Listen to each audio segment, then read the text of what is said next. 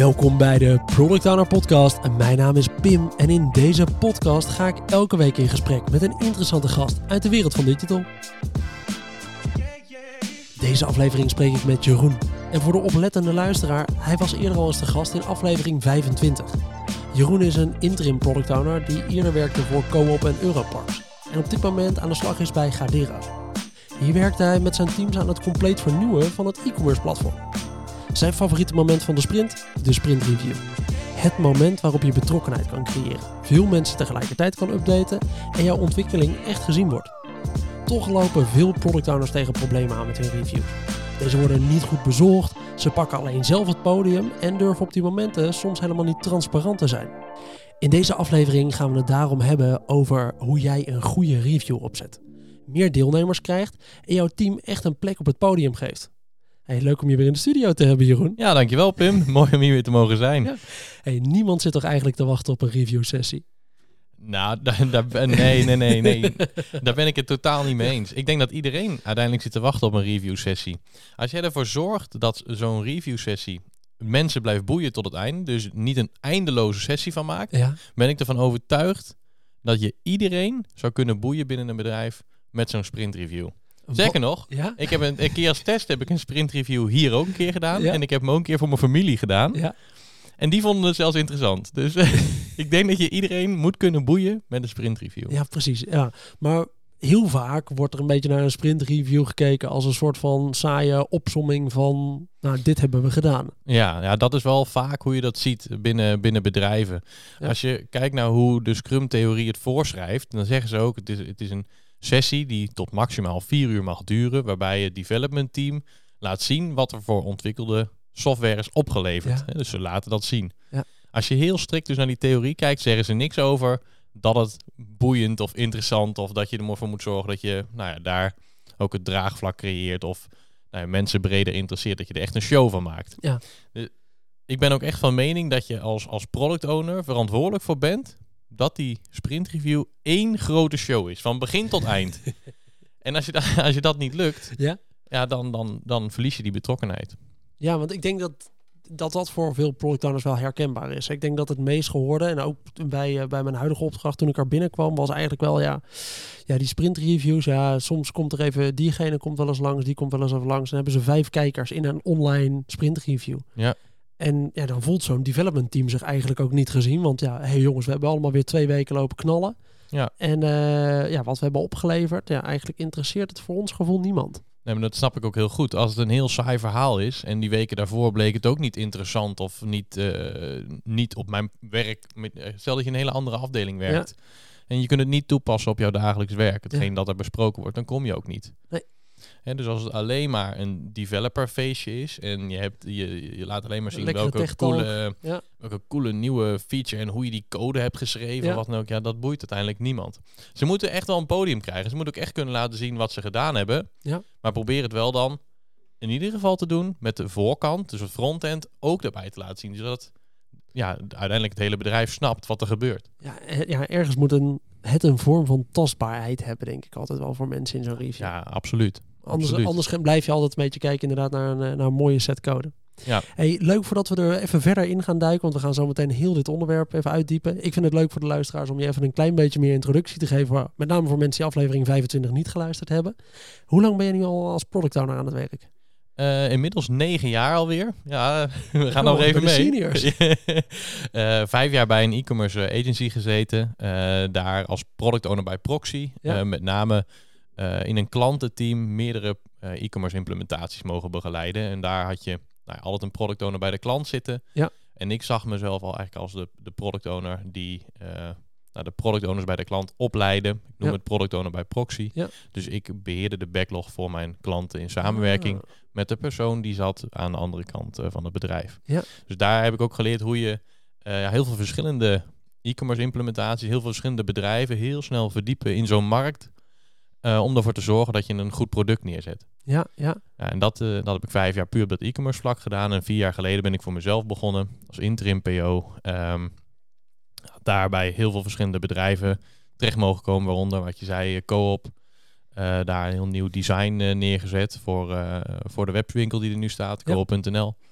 Ehm, nou, wat nu plus wordt natuurlijk. Hè. Dus, Balen, gewoon Ja. alles gebouwd. En dan uiteindelijk, dan, Ja. op een gegeven moment worden ze overgenomen. En dan ja, je toch zonde. En eh, ja, heel recent dan bij Europarks. Eh, daar ja, een heel nieuw verhuurplatform mogen bouwen. eh, met een fantastisch mooi team. Eh, echt een ja, mooi bedrijf Groot wat dat betreft. Ja, heel gaaf. Echt van het hele verhuurplatform gebouwd. De app, de mijnomgeving.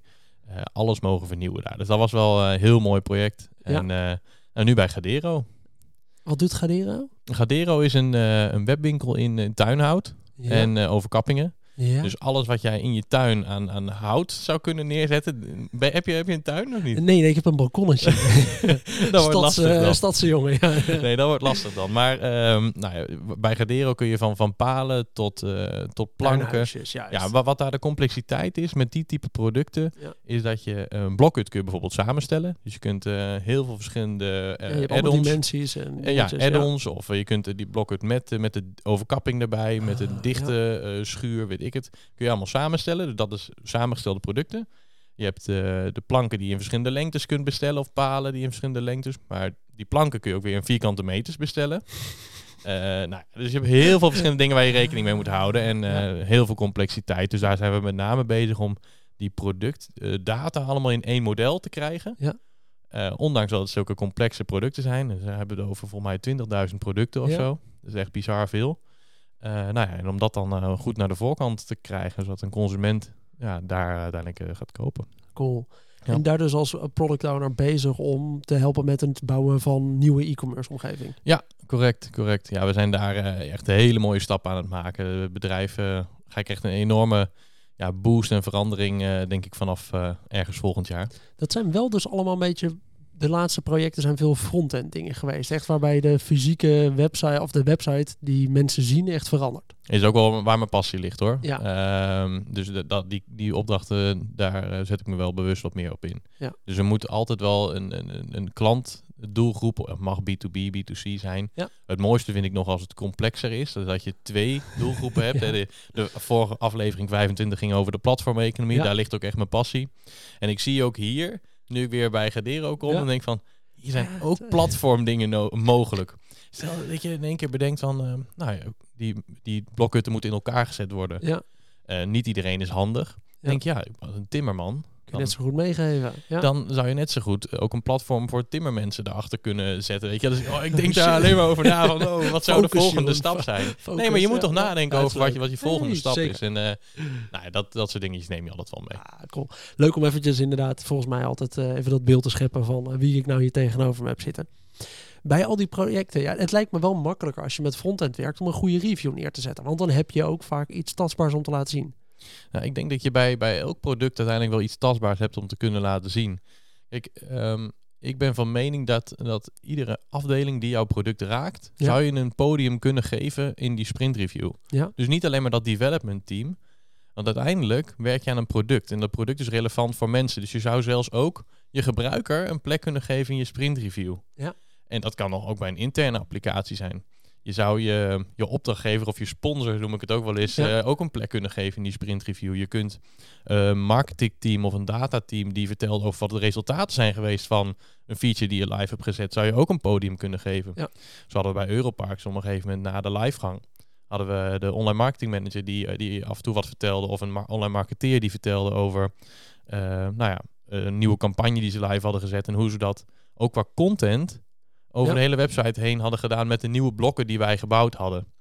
Dus nou, zo kun je alle afdelingen weer betrekken bij die eh, sprint review. Nou, ik denk een eerste hele goede opmerking eigenlijk al daar. Hè? Dus inderdaad, beperk jezelf niet tot de blik. Nou, maar dit zijn de vier developers in mijn team. En dit is de code die we hebben geschreven. Maar daarbij kan je ook bijvoorbeeld een terugblik werken op, werpen op een applicatie die je eerder live hebt gezet. Hoe presteert dat nou eigenlijk? Of wat je aanpassing die je toen hebt gedaan? Ja, je hebt het altijd over, over het product en alles wat daaromheen valt. Nou, dat is misschien wel een hele goede dan om even mee te beginnen. Wat is een goede review?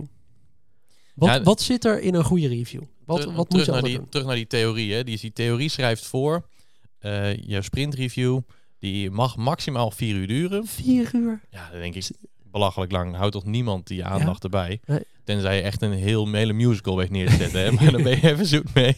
Nee, ik, ik denk met een, met een half uur Ja. kun je echt al heel, heel veel doen. En Ja. eh, meestal lukt het me ook om binnen dat half uur te blijven. Ja. En dan hangt natuurlijk ook af van welke sprekers je uitnodigt. Hè. Maar die zet ik altijd wel keihard op een, op een, eh, gap, van, eh, op een gap van vijf minuten. Ja.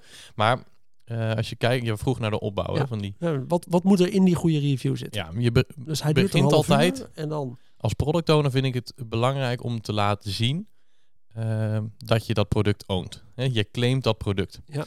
Dus ik vind dat de product owner de introductie moet doen. Ja. En die zet, de, die, die zet echt even eh, de, de, de sfeer neer voor die sprint review. Die kan dan in de introductie, noem ik eigenlijk altijd drie dingen. En dat kunnen ja, dingen zijn die de afgelopen twee weken zijn gebeurd die van impact zijn geweest op het project. Heel kort, maar gewoon puur om een klein verhaaltje te vertellen om even iedereen mee te krijgen. Dat kan zijn van nou, het team heeft ontzettend goed gedraaid. Eh, we hebben, eh, nou, de sprint ging goed, velocity eh, zat, leek on point. We zijn echt op, op stoom, maar dat kan ook zijn van dit dit ging even niet zo goed. Ja, zijn, de andere kant op. Ja. Ja, van nou, dit was gewoon echt, echt heel erg heel vervelend. Ja. Echt ruk. dat, je, dat je denkt van ja, het kan zijn, het kan soms nodig zijn om je doel te bereiken. Nee, dus je kunt ook de verwachtingen alvast managen. eh, door iets te vertellen van tevoren. Ja. Meestal probeer ik het echt een hele positieve vibe te hebben. Dus negen van de tien momenten zijn echt van die dingen van jongens, het team, jongen, dit is eh, dit het team fantastisch gewerkt. Je Ja. echt, huppakee, gas erop, helemaal top. Dat is de introductie. Ja. Dus je leidt hem heel kort even in. Ja. Dan kom je bij de demo aan. Eh, het demo deel van de sprint review. Ehm, altijd vertel ik altijd even kort wie, eh, wie de demo's geeft. Hè. Dus, eh, nou, voorbeeld, we hebben eh, Jan. Jan is de designer. En de designer gaat jullie eerst wat laten zien over hetgeen wat nog gebouwd moet worden. Hè. Dus let op, dit zijn designs. Want mensen moet je niet altijd ja. eh, moet je, moet je even, even inmasseren dat het niet iets is wat al ontwikkeld is. Soms zien die designs er zo realistisch uit. Ja. Maar die wil je meenemen in van dit zou er in de, in de toekomst gaan we dit mogelijk ontwikkelen. Het zijn nog proef, eh, maar we nemen mensen al wel even mee.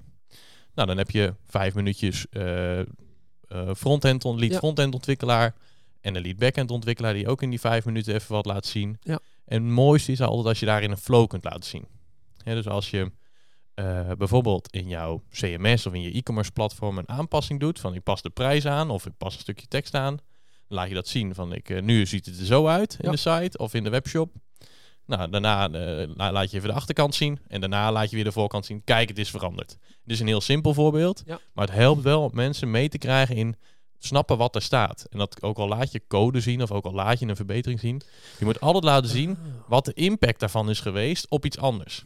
Ja, precies. Ja, want inderdaad, ik heb eh, zelf ook eh, met, o- met onze reviews, dan laat ik regelmatig een van de developers aan het woord. En ja, kun je dat een beetje visueel maken? Nou, dan krijg je regelmatig een screenshot van een, eh, van een applicatie die ze hebben gebouwd ergens in de backend. Maar eigenlijk zou je daarbij even willen laten zien, ja, wat als we die nu draaien? Wat krijgen we dan? Verandert er dan iets voor mensen? Of welk inzichtje hebben we dan behaald? Ja, Door eventjes die... probeert altijd die tastbare resultaten te laten Ja. zien. Dus ook al ehm, werk je aan het verbeteren of aan het eh, wegwerken van je technical debt, Ja. dan wil je altijd laten zien wat dan daarmee de, de impact is geweest op, op bepaalde metrics die je daaraan hebt gesteld. Ja. Ehm, of op, eh, nou, wij meer met een front-end applicatie kijk je bijvoorbeeld ook naar sitespeed. We hebben, hey, we hebben op een gegeven moment bij Europarks hebben we eh, een sprint zijn we bezig geweest om puur voor SEO de verbeteringen door te voeren. Om, eh, om, om, ondanks dat het een heel ja. complex platform is bij, eh, bij Europarks met heel veel data daarin, eh, hadden we in het begin wat moeite om dat qua performance-wise goed te krijgen. Nou, dan hebben we een sprint besteed om nou, de zoekmachine te verbeteren. nou, op een gegeven moment dan laat je zien van oké, dit hebben we getweakt. En allemaal services. En Ja. dat zag er heel technisch uit. Maar oh, dit is het resultaat. Oké, check. Ja, en iedereen snapt weer waar het over gaat. Oké, top. Ja. Nou ja, dus dit, dat is... Je hebt dus vijf, vijf minuutjes zou je kunnen pakken voor een designer. Vijf minuutjes eh, een developer.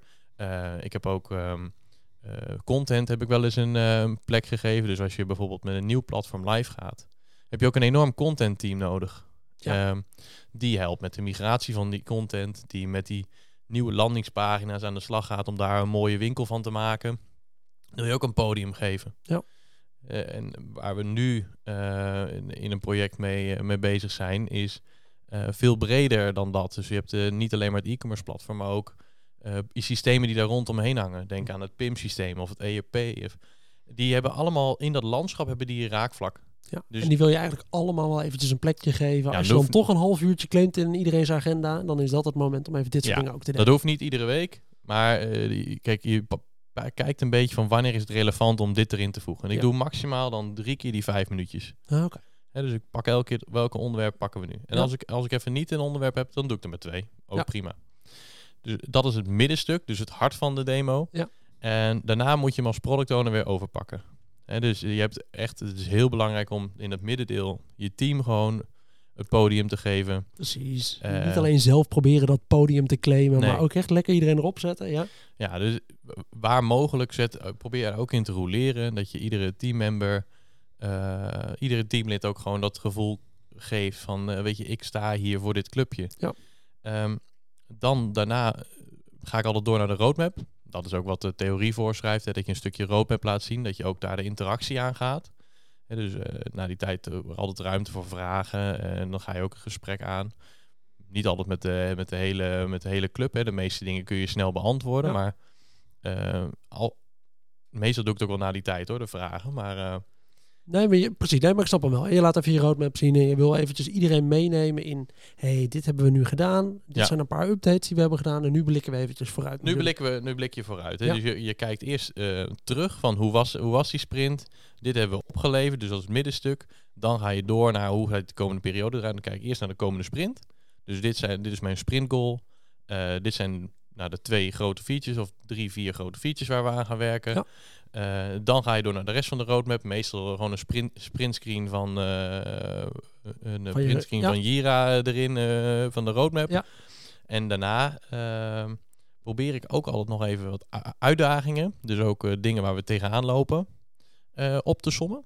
Om ook de transparantie juist in die sprint review te geven. En even een, een voorbeeldje. Ehm, nou, uitdaging die we hebben. Ik denk dat we te weinig front-end capaciteit hebben. Ja. Om live te kunnen gaan in maart ja. of februari of whatever. Oké, dan uh, meestal vertel ik, ik denk, we hebben, uh, te, we hebben te weinig front-end capaciteit, verwacht ik. Uh, dan als ik zelf al een actie heb, dan, dan zet ik die eronder. Actie. We gaan komende week gaan we bekijken wat de mogelijkheden zijn om die frontend capaciteit op te schalen. Ja, dan wel intern, dan wel extern. Perfect. Ja. dus dan, heb je een actie eraan. Dus dan heb ik ook laten zien van dit zijn de strubbelingen die ik heb. Ja. Dus dat kan een lijstje met de drie, vier punten. Maar als ik geen oplossing heb, dan zeg ik dat ook. Dan heb ik een hulpvraag. Ja. Dus dan gebruik ik de sprint review als middel om een van mijn eigen problemen waar ik op dat moment mee zit, ja. op te lossen. Even jouw buikpijn delen, ja. Daarmee transparant zijn en daarmee ook vaak het aanbod inderdaad van andere mensen krijgen. Oh, maar hebben we hier al aan gedacht? Ja, ja en dan, dan kan het zijn dat je, dat je hulp vanuit hele onverwachte hoek krijgt als jij veel mensen bij je sprintreview hebt. Ja. En dat je transparant bent, laat je zien dat het ook uh, nou, dat, dat, je die, dat je die problemen deelt uh, met de rest van het team. Wat uh, zijn in jouw ogen de, de dingen waar veel product owners mee struggelen als het gaat om zo'n sprint review? Voor mij, ik heb er ook wel een beeld bij hoor. Want inderdaad, veel mensen hebben dat hun sprint review niet bezocht wordt eigenlijk. En mm weinig mensen erin. Wat zijn er nog meer van die dingen? Ja, ik denk dat, dat, dat, dat ik wel het meeste hoor is dat er weinig opkomst is. De, Die hoor ik wel het meeste. En ik denk dat dat een resultant is van de inhoud of van de energie die je toevoegt aan zo'n sprintreview. Als jij er zelf niet één grote show van maakt, als jij er zelf niet zit als die energieke gast die het maximale daaruit haalt, dan sukkelt iedereen in en komen ze volgende keer niet meer. Dus eh, als je de inhoud interessant maakt, en dat hetzelfde als je een, uh, nou ja, als je een presentatie geeft, als jij een, nou, een tv-serie of een podcast aan het luisteren bent, je moet zorgen dat je goed voorbereid bent. Ja. Uh, en daar dat laat zien dat je, dat je dit product oont en dat je ook laat zien waarom het relevant kan zijn voor die mensen. Dan komen ze de volgende keer echt wel weer gemiddeld. Ik zeg ook altijd, iedereen is welkom. Ja. dus van tevoren doe ik nu bij Gadero doe ik gewoon een Slack een Slack-berichtje in het kanaal voor het bedrijf. Nou, daar werken ongeveer 100 mensen. Uh, nou ja, dan uh, van uh, wees welkom bij de sprint review. Nou, dan komt van magazijnmedewerker tot klantenservice. ja, alle mensen die zich op dat moment denken van nou, dat is interessant voor mij. Ja. het is een volledig webwinkel based bedrijf. Hè, dus, dus allemaal online business. Dus Ja. iedereen raakt dat binnen het hele bedrijf als je dat bezig gaat met het e-commerce platform. Ja, precies. Nou, ik denk dat je wel een paar hele goede dingen daar zegt. Hè? Maar ik wil wel eens even inzoomen op dat basisprobleem wat veel mensen hebben. Dus er zijn te weinig mensen bij de review. Ja. Toevallig precies de casus die ik onder andere meekreeg toen ik binnenkwam bij mijn huidige opdracht. Ja, die sprintreview die doen we wel. Zitten komen vijf mensen kijken en dan, eh, ja, dan voelt het team zich ook niet gezien. En Nee. dat is heel erg zonde in mijn ogen, want voor veel mensen, ook voor een developer, en soms vergeten we dat die mensen, eh, er wordt veel ontwikkeld, maar ja, als zij het gevoel hebben dat de dingen die ze ontwikkelen eigenlijk niet gezien worden of niet per se direct van hele hoge customer value zijn, bijvoorbeeld als je Mhm. business dingen werkt, en dan is dat best wel demotiverend voor mensen. Ja. Hoe ga je nou dan meer mensen bij die sprintreview krijgen? Volgens mij zijn er een paar acties. Eentje die je net noemt is een hele terechte. Veel mensen die sturen bijvoorbeeld gewoon een, een vaste agenda-invite hebben ze staan. Elke twee weken op donderdagmiddag doen wij de sprintreview. Mhm. Als je het daarbij houdt, dan zorg je eigenlijk ook dat je nooit opvalt bij mensen. Dus je zegt net, ik post voordat ik eh, mijn review sessie ga doen, nog eventjes in een algemeen kanaal. Elk bedrijf heeft eigenlijk ondertussen wel iets van Slack of Teams of iets dergelijks. Ja. Even een berichtje plaatsen. Hé hey jongens, eh, vandaag om half drie sprint review. We gaan het vandaag hebben over Kun je mensen mee triggeren, hè? daarmee kun je mensen inderdaad triggeren om gewoon eens eventjes weer, te, weer eens in die, eh, in die sessie te komen. Ja, en dan is het inderdaad de kracht om wat belangrijke dingen te laten zien. Volgens mij heb je daar ook net een paar hele belangrijke genoemd. Als je dan zo'n sprint review geeft, één, maak er een showtje van. Laat mensen ook blijken dat je enthousiast bent over je eigen product en wat jullie aan het eh, bereiken zijn. Ja. Maar twee, wees transparant. Durf ook gewoon te zeggen als iets helemaal kut gaat. Ja, gewoon eerlijk zijn. Ja. Ja, Ho, we hadden gedacht dat we dit in twee sprints af konden. Dit is nu de derde sprint dat we eraan werken. Dat had ik jullie liever ook niet verteld, maar dit en dit is de reden. En, dan- en dan nog, hè, je zei net van, nou, eh, ik Ja. vond het vervelend dat er maar vijf mensen waren. Ja. Maar als dat de vijf mensen waren die je net nodig had, Dat was niet zo erg. dan is het helemaal niet erg. Dus het, de, de, de hoeveelheid opkomst zegt helemaal niks Nee, over de succes van je sprintreview. Als jij je doel ermee bereikt, dan is het ook prima. Ja. Dus eh, uiteindelijk moeten de mensen... De, de- aan het begin heb ik er ook heel, heel erg mee gestrukkeld. Hoor, van hoe krijg je die zaal nou vol? Ja. Maar uiteindelijk als je de inhoud interessanter gaat maken, dan, eh, dan komt die zaalvulling vanzelf. Echt waar. Ja, eens. Ja. eens. Ja, en nou, dan wat tips om die invulling misschien wat interessanter te maken. Hè? Want ook ik zelf ben dus, ik kreeg eigenlijk gewoon de oude sheets. Die werden eigenlijk elke, elke sprint review weer gedupliceerd. En dan werd er eigenlijk tegen het team gezegd, hey jongens, eh, vullen jullie hier anders eventjes in wat we dan hebben gedaan in de afgelopen sprint. Want eh, ja, dan weet iedereen het zo meteen. Ja. En nu werd die volgezet door de teammembers met, eh, nou we hebben het Neo4j cluster geüpdate en nu, nu spreken we de Aura database aan en daar kunnen we dit mee. Oké. En we hebben eh, een update gedaan eh, naar Java, Java 17 en eh, nou ja, dat hebben we nu op deze en deze systemen gedaan. Ja. We hebben de ingester geüpdate. Nou, dan krijg je inderdaad dus gewoon een sheet die je aan mensen gaat voorlezen als PO. Oh ja, eh, we hebben dus deze drie dingen gedaan. Dat zegt niemand wat. Nee. Waarmee maak je het nou interessanter? Nou, bijvoorbeeld iets wat je net zei, volgens mij heel goed, dat terugblikken. Pak gewoon eens een keertje een oude applicatie, een oude feature waar je aan hebt gewerkt. En laat daar eens even wat cijfers van zien, wat Ja. je nou bereikt. Wat Ja. kun je nog meer? eh, Nou ja, en hoe, dra hoe dragen die functionaliteiten bij aan het brede doel? precies? Kijk, als je daar als PO niet mee begint om het daarmee in te kleden, die hele sessie, Ja. dan, dan, eh, ja, dan snapt niemand de context van waarom je die dingen aan het doen bent. Ja. Dus ehm, het, bijvoorbeeld het vervangen van, van, van een bestaand product of van be- bestaande software Ja. is eigenlijk niet zo heel interessant. Nee, het liefste zou de consument dan niks zien veranderen. Nee, Toch? maar, de, maar, de, maar, de, maar de gebruiker op dat moment ook niet. Nee. En dus stel je bent bestaande software aan het vervangen, Ja. dan heb je het met elkaar over de mogelijkheden die die bestaande software bieden. In de toekomst wellicht wel. Dus eh, je laat zien dat is deze functionaliteit, die bouwen we op deze manier. Ja. En dat betekent dat we daarmee in de toekomst dit en dit en dit ermee kunnen. Dat zou het ook nog interessant kunnen maken. Dus Ja. dat je niet alleen maar focust op die functionaliteit die je op dit moment hebt opgeleverd, maar ook Ja. wat kunnen we daar dan in de toekomst mee. Een van de dingen die ik persoonlijk wel moeilijk vind, hè, een van de teams eh, waar ik nu mee werk, die zijn heel veel technical debt aan het oplossen. Dus ja, dat betekent dat ze gewoon eigenlijk vrij technisch aan software aan het knutselen zijn. Wat, nou ja, op wat performance increase nou niet per se heel veel gaat veranderen aan de voorkant. Het is met Mhm. name opruimen van bijvoorbeeld developers die daar eerder hebben gezeten. Hoe ga je nou technical debt, als je team daar eigenlijk de hele sprint bijna mee aan het werk is geweest, nou verklaren in een sprint review? Ja, dat, dat, is, dat, is, dat is wel Dat is wel heel lastig. Je maakt de Ja. show nu ook niet eh, heel aantrekkelijk. Ja, hè? Je, nee. kunt, je kunt van een, van een lelijke één nog geen, eh, nog geen pauw maken. maar ehm, uiteindelijk denk ik dat het uiteindelijk altijd bijdraagt aan een, aan een breder doel. En ook bij die sprintreview Ja. is dan je doel om daar al die toffe, snelle marketeers aan boord te krijgen. Als dat je doel is, ja, kansloos. Want die hebben daar helemaal niks aan. Nee. Dus je moet dan ook de mensen erbij betrekken die, die daar ook wat aan hebben. Ja. Op dat moment. Dus dan eh, heb je het veel meer over. eh, stel dat je een best wel grote organisatie hebt Ja. en je bent op dat moment bezig met het verminderen van je technical debt. Dan wil je andere mensen ook inspireren om datzelfde te doen, wellicht. Ja. Dan kijk je naar, ehm, kan ik andere ontwikkelaars van andere teams aantrekken? Dan kijk je naar, kan ik een, een guild of een vakgroep van, eh, van IT-mensen of testers Ja. of wat dan ook aanhaken bij dat product. Om de enthousiasme te creëren bij eh, dat geheel. En om, eh, ja, je, moet heel erg kijken naar je doel van je sprint review. En bij technical debt is die nou ja, minder, minder spannend Het is op dat minder moment. sexy gewoon. Het is minder sexy. Maar er is een ander publiek, inderdaad, misschien wel terecht opmerking die je maakt. Er is een ander publiek wat het wel interessant vindt. Dus je moet ook niet iets onmogelijks willen. Hè? Dus eh, als jij niet houdt van opera, dan ga je ook niet naar opera, naar opera toe. Ja. Dus ehm, eh, ja. Eh, maar uiteindelijk halen mensen denk ik nog wel te weinig uit die sprint review. Vooral om, om, om dus dat, dat showcomponent. Ja. ehm, ervoor te zorgen dat de juiste inhoud er zit. Dat de juiste energie er zit. Ja. En die transparantie, daar heb ik nog wel het meeste uitgehaald.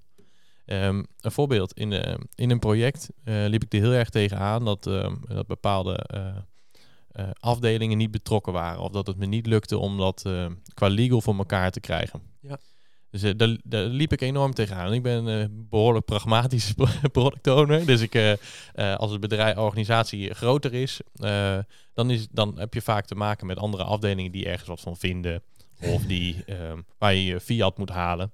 En op een gegeven moment ehm, nou ja, had ik, had ik nou ja, daar last van. Dat duurde me te lang. Ja. Dus toen heb ik dat benoemd. En dat is, kan heel lullig zijn. Hè, van, eh, je gooit wel even iemand vol voor de vrachtwagen. En lijn 5. Naming en shaming. Lijn, Ja. lijn, nou nee, niet met, niet met de naam, maar meer algemener. Ja. Dus je probeert het wel iets algemener te houden van dit, dit duurt nu te lang. En dat, is, dat heeft dit effect op het project. Ja. Ik zou willen dat dit wordt opgelost. Maar dat help mij. budget hebben. Ja, maar help mij. Ik, ik hoor graag hoe we dit kunnen oplossen. Dus mocht je de oplossing hebben, kom naar me toe. En echt 9 van de 10 keer, als het je lukt om die persoon ook erbij te krijgen, of de persoon die daar of enigszins invloed op zouden kunnen hebben, of een, een manager, of iemand die daar nog boven staat, een directeur misschien wel, die zegt, oh, maar dan moet je even, moet je even met Jan praten, want, eh, of met Piet, want Piet die, eh, Piet die weet wel, Nou, oh, dan moet je even zo en zo doen. Moet je die erbij betrekken, want die weet daar meer vanaf. Ik denk dat je daar wel een groot punt van waarde hebt. Die veel mensen overslaan in een review. Want je hebt de neiging om inderdaad gewoon een soort van showtje te maken. Van, oh, maar- dit hebben wij gedaan in de afgelopen twee weken. Of nou, hoe lang je sprint dan ook is. Dit hebben we gedaan in onze afgelopen sprint. En eh, nou, dit hebben we opgeleverd. Oh ja, en de komende sprint gaan we dit doen. Dat is voor veel mensen de samenvatting eigenlijk van hun review. Terwijl het dus ook een moment is om eerlijk te zijn. Nou, dit gaat heel goed bij ons, maar ik heb best wel buikpijn. Ik lig eigenlijk al drie nachten wakker van. Dat eigenlijk wat we over drie sprints willen starten, dit nieuwe initiatief. Dat budget is nog niet rond. Ja. Ja, ik heb er best wel buikpijn van, want we willen daar echt aan gaan beginnen. We weten dat er klantwaarde in zit, maar het budget is nog niet rond. Ja. Nou, als je dan de juiste mensen inderdaad in je, in je review hebt zitten, ja, dan kun je daar best een hoop invloed op hebben. Ja, en die continuïteit, die is ook ontzettend belangrijk. En dus als je een sprint van twee weken hebt, Ja. doe ook echt iedere twee weken die sprint review. Ja. En dat hoeft nog niet elke keer met datzelfde eh geremium te zijn. En dat kan ook met een heel ander eh, clubje zijn iedere keer, dat je een focus kiest. Eh, ja, je moet, het, je moet het echt zien als een, eh, als, als, als een cadans die eh, iedere keer weer, weer terugkomt. En daardoor raken mensen eraan gewend. Ja. Dat, ze, dat, ze, dat ze weer komen. Je moet ze wel blijven helpen herinneren. Hè? Dus dat berichtje via Slack, dat helpt ook echt om mensen nog weer op het laatste moment eh, Dat, hè. erbij En, te krijgen. en bij dat berichtje dus goed toevoegen waar je het over gaat hebben. Als Ja. jij van tevoren transparant bent over waarom mensen in die review zouden moeten zitten, dan maakt het voor veel mensen veel makkelijker om die inschatting eventjes te maken. Ja. Ik ben wel benieuwd, hè, Pim. Ja. Hoe lang, ehm, hoe lang doe jij normaal een, een sprint review? Hoe lang duurt die bij jou? We hebben er een half uurtje voor uitgetrokken. Oké. Waarom, zou, waarom zou die theorie voorschrijven dat het vier uur mag zijn? Dat weet ik eigenlijk. Dat, is- ja, dat moet je er echt een heel theater inderdaad voor afhuren om, eh, om terug te gaan blikken. Maar dan zou ik een heel half jaar kunnen bespreken in, in, die, in die uren. Ja, maar ik ben echt benieuwd waarom de theorie dat zou voorschrijven. Zeggen maximaal vier uur. Ja. Maar hoe kun je daar vier uur over doen? Hoe kun je dan de mensen die er allemaal bij betrekt, hè, hoe kun je die allemaal geïnteresseerd houden? Ga je dan de hele backlog met ze bespreken? Ja, ik Dit denk, is item eh, TM134. Eh, nou ja, deze- of, of- en dan allemaal user stories met ze doornemen. Ja. Ja, in, in vier uur tijd, ja, dan, Ja. kan ik ook eh, de hele refinement van doen. eh, ja, weet ik veel wat. ah, ik denk dat, een, eh, dat inderdaad in, in een half uurtje moet je eigenlijk de hoofdlijn van je, van je review echt kunnen doen. Ehm, En heel vaak gaat die wat sneller. Volgens mij is dat prima. Maar dat zorgt dan in ieder geval dat je in die tijd ook nog eventjes vragen hebt. Dat Ja, wat jij net zegt, dat, over. dat time, eh timeframe iemand gewoon ook duidelijk aangeven als je iemand even te gast laat komen eigenlijk in je review om even de microfoon te pakken. Of eh, ja, zijn scherm even te delen bijvoorbeeld. Ja, geef daar eventjes voor aan, oké, maar vanaf eh, dit, dit minuut spreekt eventjes diegene over het item CRO. Want we gaan aan CRO werken op het moment. Oké, en ik wil nog heel eventjes de microfoon geven aan degene die dit gaat doen. Als je die blokjes ook weet te timeframen, dan zorg je ook dat je niet buiten je tijd loopt. Ja. Want voor heel veel stakeholders die weer zo'n review bezoeken, is het bloedirritant als je buiten je tijd gaat lopen. Ja. Want ze hadden het net even vrijgemaakt in hun agenda. En daar Ja. ben jij ze eigenlijk heel dankbaar voor. Zeker, en dat moet je zo, dan moet je ze ook belonen. hè. Dus je moet ze ook een showtje geven op dat moment. Wat is jouw grootste show-element dan in de review? Gewoon je eigen enthousiasme. Ja, toch? Je bent, jij als product owner bent verantwoordelijk voor je eigen succes Ja. binnen zo'n bedrijf. En ik denk ook, ehm, eigenlijk moet je als product owner je product zien als je eigen winkel. Ja, Als jij zelf het ontwikkelbudget zou uitgeven voor dat product waar je aan het bouwen bent, Ja. dan, dan weet je het ook te verkopen. En eh, ik, in mijn optiek zou een product owner ook echt een ondernemer moeten zijn. Ja dat is een ondernemer binnen een bedrijf. Ja. Hè, de- eh, en ik denk dat een ondernemer bepaalde skills bezit. Ja. Eh, en dat er, dat er heel veel skills overeenkomen met die van een product owner. Eh, een ondernemer moet af en toe eh, zijn bedrijf kunnen verkopen. Nou, tijdens de sprint review eh, aan een andere stakeholder, eh, in een pitch, eh, als hij weer budget moet ophalen. Eh, een, eh, een, een product owner moet ook wel een klein beetje van de cijfers weten. En die moet ook een beetje weten eh, hoe je data-analyse moet doen Ja. in je analytics. Of eh, een product owner moet eh, ehm, ook ja, budgetten kunnen, eh, kunnen berekenen.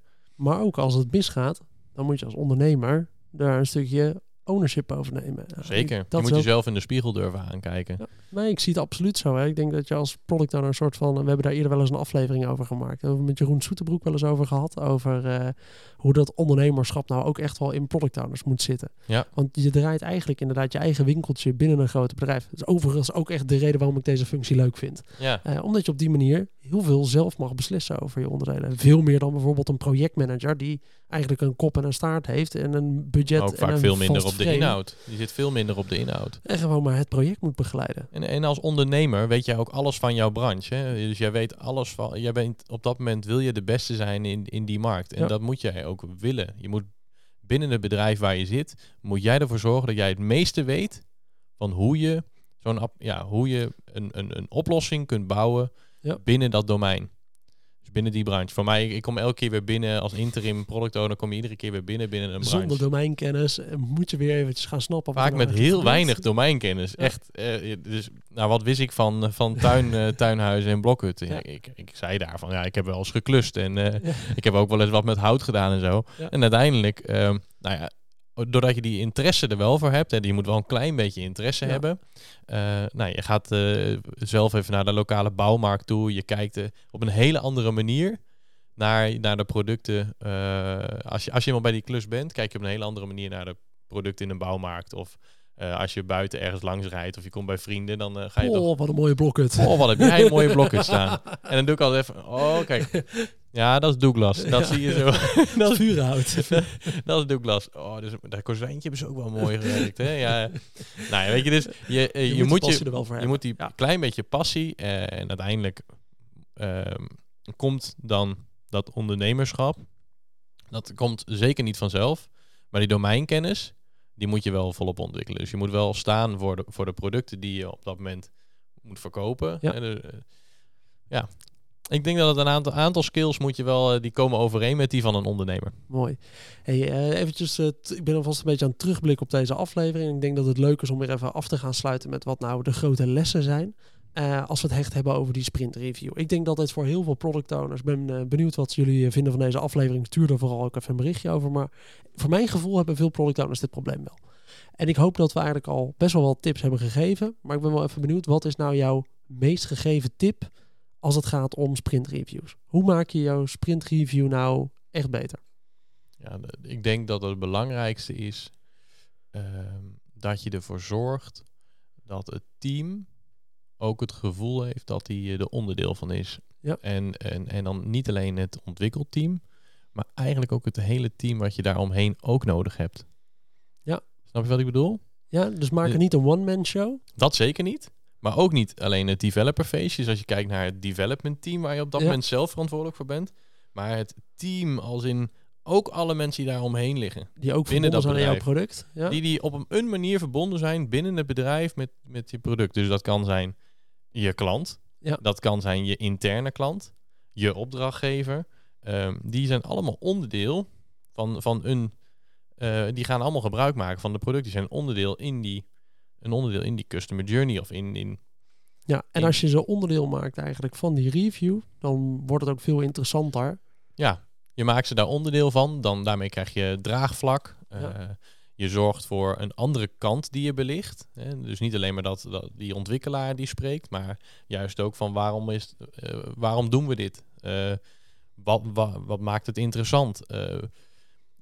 Ja, uiteindelijk de data die, die spreekt over een bepaalde feature die je oplevert, dat je laat zien, hey, dit zorgt voor een conversieverhoging. Of hey, dit zorgt ervoor dat 20% van de mensen beter begrijpt wat hier stond. Of hoe deze functionaliteit werkte, doordat we deze aanpassing doorvoerden. Ja, en dan misschien wel de vraag helemaal andersom. Wat moet je vooral niet doen als je een succesvolle sprint review wil? Wat is, uh, wat is de grote no-go in jouw ogen? Nou, ik denk dat de grootste fout die je kunt maken is door überhaupt geen sprint review te doen als je een product ontwikkelt. Dat is de grootste fout. Gewoon maar door te gaan van sprint naar sprint en eigenlijk... Van sprint naar sprint, helemaal niet bij stil te staan, geen podium pakken. Wat, wat, zijn, wat denk jij dat het resultaat is op een team? Dat alleen maar, wat, wat, wat is de worst, what is the worst that can happen? Wat is dat echt als je geen, uh, geen reviews doet? Geen reviews doet. Ik denk dat dat het moment eruit haalt waarin je die overview geeft. Ik vind een heel groot deel van een goede PO is boven jouw product zweven af en toe. Af en toe even in die helikopter stappen, boven je product hangen. Kijken waar staan we nu, waar komen we vandaan en waar gaan we naartoe. En als je, daar is de review in mijn ogen altijd het ideale moment voor. Het moment waarbij jij weer even in die helikopter stapt boven dat product gaat hangen. Ja. Terugblik naar die afgelopen periode. Aangeeft wat je nu op dit moment aan het doen bent. Wat jouw zorgen zijn, wat jouw doelen zijn op dit moment. En voor de komende periode. Wat is nou die visie waar je mensen wil meenemen? Dat is jouw moment. Als je die sprint reviews niet doet, dan ben je eigenlijk alleen maar bezig met: oké, we plannen een sprint. Dit zit er allemaal in. Aan het einde ga je tussendoor ga je een keertje kijken. Hé hey jongens, schieten we een beetje op, redden we het? Aan het einde van de sprint word je een keertje zaggerijnig. Want hé, hey, we hebben niet alle punten opgepakt die we eigenlijk op wilden pakken. Oké, nou dan sluiten we deze sprint, starten we een nieuwe sprint. Oh, hey, alle items die niet af waren, zitten er nog steeds in. Oké, ik smijt er even wat nieuwe items bij en een nieuwe sprint is weer gestart. En er zijn zelfs PO's die ook nog even de retro eruit halen, waarbij je überhaupt het moment hebt om eventjes terug te kijken met z'n allen, hoe hebben we het gedaan? Maar je, als je de review eruit haalt, hou je dat hele helikoptermomentje eruit, zoals ik hem wel eens noem boven je product hangen en die blikken op het, op het bredere uh, plaatje leggen. Ja, en ik denk dat je daarin nog één ding mist. Ja. En dat is het feedback ophalen. Eh, ja, en om bij te kunnen sturen, want daar is die sprintreview in mijn optiek voor. Dat is ook hoe de theorie hem voorschrijft. Is dat je dus juist hebt over de roadmap, uh, ook een reactie krijgt op hetgeen dat ontwikkeld is. Als niemand wat zegt in die sprintreview of na die tijd, of van, uh, dat, dat zag er echt top uit, Pim. Pim, jongen, dat heb je echt of uh, nou ja, tegen die developer, ja, dat ziet er wel, uh, dat is goed man. Dat is goed. Gedaan, ja. Als jij um, als jij geen feedback krijgt, ja. ik zeg ook altijd, speak now or be silent forever. Ja. En dus daarom mee probeer ik een reactie uit te lokken. Ja. En dus uh, ik wil je ook niet meer horen na die tijd. Oh. Als, jij, als je niet je bek open trekt, ja. en je komt na die tijd toch met iets raars of wat dan ook. Je moet wel een veilige omgeving proberen te creëren, hè, dus uh, waarin iedereen durft wat uh, te zeggen. Ja. dus dat hoop ik ook altijd te kunnen creëren. Ja. Um, maar daardoor haal je feedback op. en dan kun je dus enerzijds uh, het huidige product, je hebt gelijk een aantal testers, je hebt gelijk uh, twintig man die met je meekijken uh, naar die frontend, die zullen allemaal zeggen, ja, die tekst was niet goed geschreven. Ja, dan denk je, ja, die tekst die kunnen we zo aanpassen. Ja, Weet je, dat maakt, dat maakt allemaal niet uit. Maar ik hoop ook dat mensen op een gegeven moment zeggen van, hé, hey, maar je bent vergeten. Dit, dit, ja, onze klanten doen dat toch altijd op deze manier? Ja, dan denk je, oh, daar, daar heb ik nog niet naar gekeken. Dus je hebt gelijk twintig mensen die dat, die dat op dat moment scannen en testen eigenlijk al. Ja. Um, maar je hebt ook feedback op je, op je roadmap. Van, hey, heb je dan wel hier rekening mee gehouden? Of als je, zou je niet dit andersom kunnen doen? Ja. Dus die feedback is uh, heel belangrijk. Ja, volgens mij was dat ook uh, met Robin Schuurman. Ik dacht aflevering 36 zo even uit mijn hoofd. Uh, die gaf ook aan dat dat een van de beste tips was in zijn ogen voor stakeholder management als je te veel stakeholders hebt. En je eigenlijk niet meer van iedereen die informatie op kan halen. En niet je hele week wil besteden aan met iedereen koffie drinken. Mm. Ga dan gewoon zorgen dat je al die mensen in je review hebt. En vraag aan het einde precies dit. Dit is jullie moment trouwens om even bij te sturen. Wij gaan deze kant op. Eigenlijk wil ik van jullie informatie hebben of dat we moeten gaan bijsturen naar een andere kant. Ja. Dit is je moment om het te, te laten weten. Ja. Oké, nou ja, en, en, zeker als je dat erbij bij zet van speak now or be silent forever, ja. en dan, dan trigger je die reactie. En dan is dat als PO scheelt dat je echt enorm veel bak koffie die je met alle verschillende mensen moet houden om weer uit te leggen. Oké, we hebben dit aangepast. Wat vind je er nu van? Ja, maar kijk ook vooral naar de blikken van mensen. Hè? Dus ik, ik, ik scan die zalen. Ja. Uh, dan, en dan even heel goed kijken. Vooral ook af en toe wat zeggen. En dan kijk je nog een keer rond. En dan nog proberen ook mensen te, te triggeren met iets wat je zegt. Ja. Dus um, soms probeer ik een opmerking ook best wel bold neer te zetten. Uh, gewoon best wel gewaagd of een uitdaging. Ja. Die probeer ik best wel gewaagd neer te zetten. Dan scan ik de zaal even zo heel rustig zo.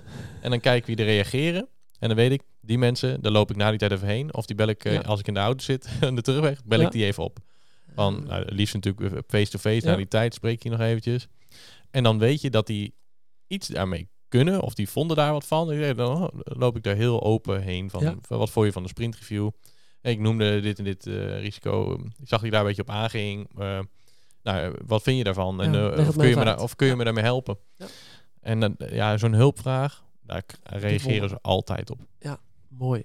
Hey Jeroen, ik denk echt een leuke aflevering. Uh, volgens mij hebben we een hoop goede topics behandeld, uh, behandeld rond, uh, rond de sprint review. Volgens mij ook echt wel dingen waar mensen mee aan de slag kunnen. ik vond het leuk om hier weer een aflevering te hebben. Ik vond het leuk om hier weer te zijn, Pim. Ja, nee, eerst rond aflevering 25, nu rond aflevering 50. Nou, dan bij rond 75 nodig ik je nog 75. een Waar gaan we het dan over hebben? Geen idee. Laten we aan de luisteraars over. Heb je iets waarmee ik het toch een keertje over, met Jeroen over moet hebben? Laat het ons weten. Kom erop. Hey, ik bedank je voor weer de aanwezigheid hier in de podcast. Ik vraag het eigenlijk altijd eventjes, mogen mensen een bericht sturen op LinkedIn als ze vragen hebben? Absoluut. Sta ik absoluut voor open. Hartstikke Jeroen leuk. Herema op LinkedIn. Hey, dan bedank ik iedereen weer voor het luisteren naar deze aflevering van de Product Podcast. Vond je dit nou een leuke aflevering? Vergeet dan niet om deze podcast een leuke review te geven op je favoriete podcast app. Dat helpt ons weer met het bereik. Heb je nou nog vragen of opmerkingen naar aanleiding van deze podcast? Stuur me dan vooral een berichtje op LinkedIn, dat is Pimpot, of op pim.productowner.nl. En dan hoop ik dat je de volgende keer weer luistert. Tot dan!